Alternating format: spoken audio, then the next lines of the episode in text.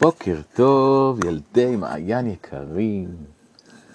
מה שלומכם הבוקר? איך אתם מעבירים לכם את הזמן? האם אתם uh, מגיעים מדי פעם לחווה, אולי? האם יצא לכם לקטוף מעט עלי חסה רעננים ולטעום אותם? או אולי אפילו אתם מגדלים אצלכם בבית מעט uh, תבלינים, או ירקות, או אפילו עץ פרי אחד או שניים. כמה נעים לחיות בסביבתם של עצים, פרחים ושיחים. הנה למשל, אני כבר סיפרתי לכם פעמים רבות על העצים שגדלים אצלי בגינה. עץ התאנה, החביב עליי מאוד, אותו שתלתי לפני, אני חושב, כבר חמש שנים. והוא גדל מאוד יפה בהתחלה, אבל בשלב מסוים הוא נתקע במקומו והפסיק לגדול, וכעת הוא מתנשא לגובה של בערך שני אנשים שעומדים אחד לשני על הכתפיים, וזהו, יותר מזה הוא לא צומח.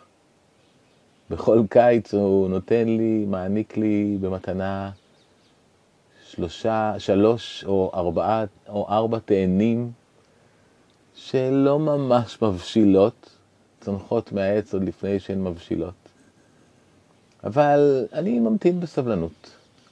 אני יודע שיום יבוא והוא יעניק לי פירות, את פירותיו המתוקים ביד נדיבה. בצד השני גדל שיח בוגונביליה.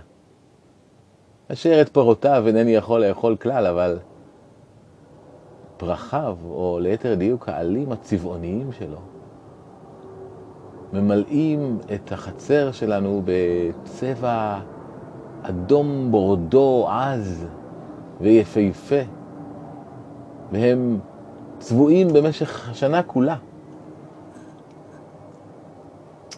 מצד אחר, צומח עץ אה, דקל וושינגטוני, שזה גם אותו אני שתלתי כשהגעתי, אבל אותו שתלתי לפני שנים רבות כשהגעתי לכאן, והוא כיום כבר מתנשא לגובה גבוה מאוד, גבוה יותר מהבניין כולו.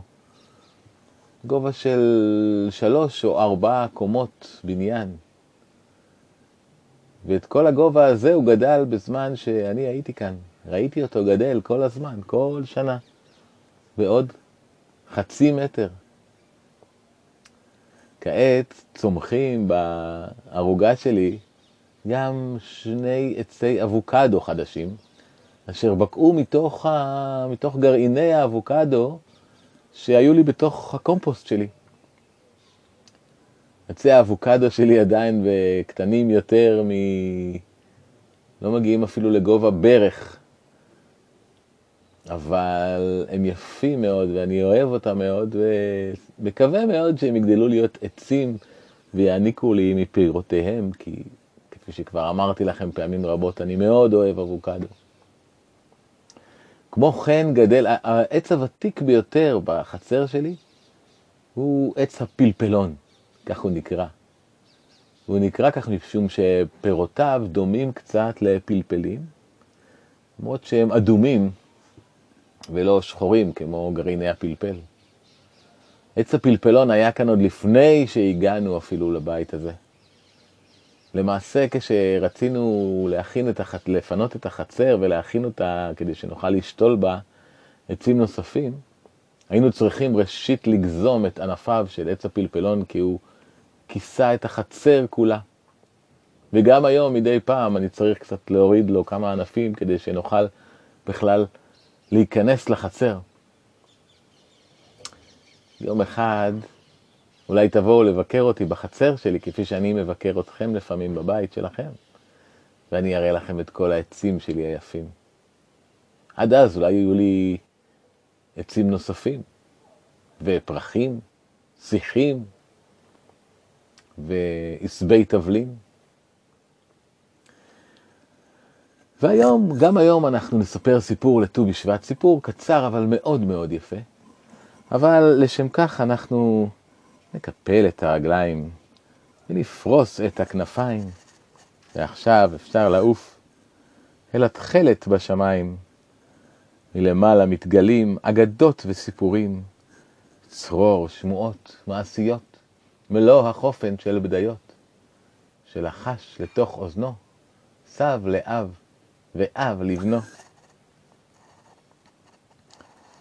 היה זה בליל ט"ו בשבט, מעל הערים הגבוהים, עלה ירח גדול ומאיר. הירח הגדול והמאיר עלה, אה, הכוכבים זהרו בשמיים והיו ככתר לאימא האדמה. לילה, ליל ט"ו בשבט, כולם ישנים. רק ציפור אחת קטנה פתאום הוציאה את מקורה מתחת לכנפיה, צייצה מתוך שינה ושוב נרדמה. ואז התעורר האקליפטוס הגדול על שפת הירדן, ניער את צמרתו כה וכה, הוציא בזהירות את שורשיו מתוך האדמה, והנה שורשיו נהיו לרגליים קלות.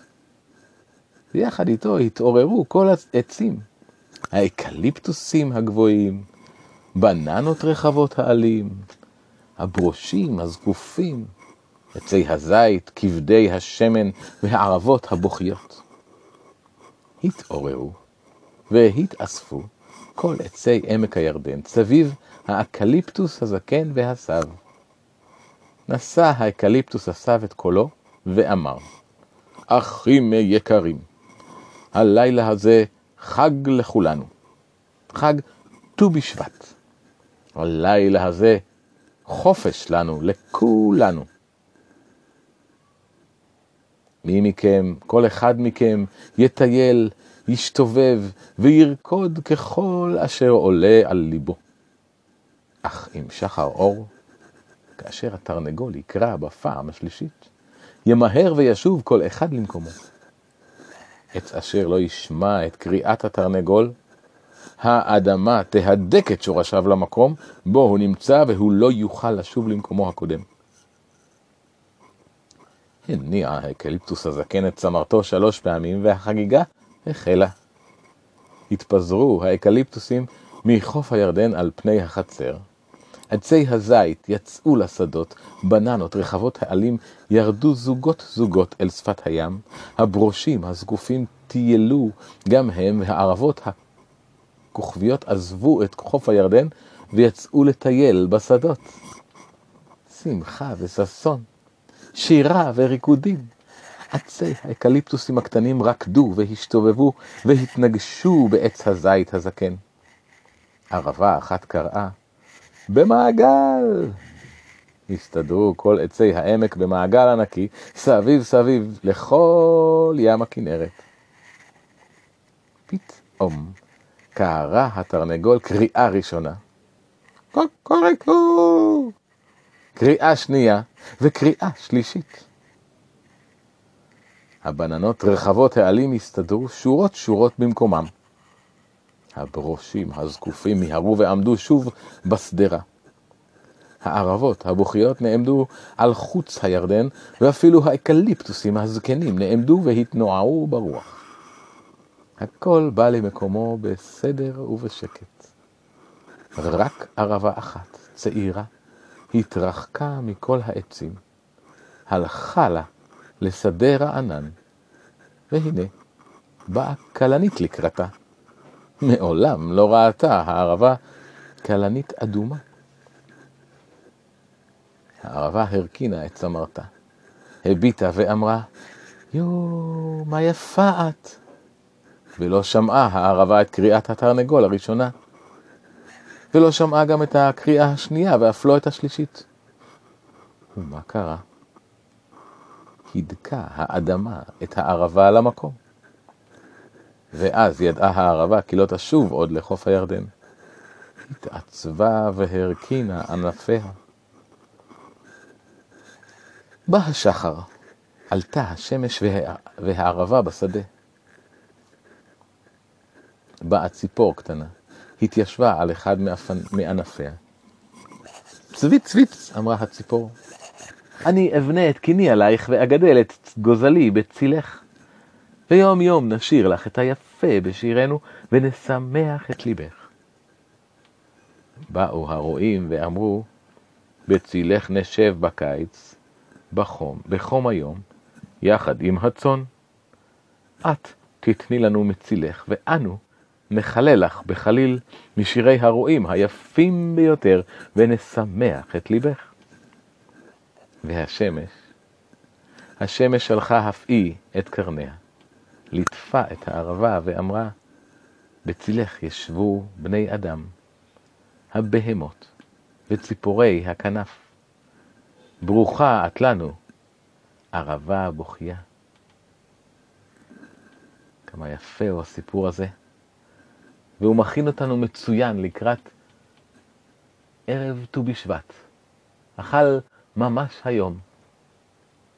היום בערב נחשוב כולנו חזק חזק על עצי הפרי והשיחים, הצמחים והפרחים. נאחל להם את כל הטוב שבעולם. ומחר עם בוקר נצא אולי לטייל, לסוח, ולפגוש את הצמחים בעצמנו. בינתיים, היו שלום, ילדים יקרים. להתראות.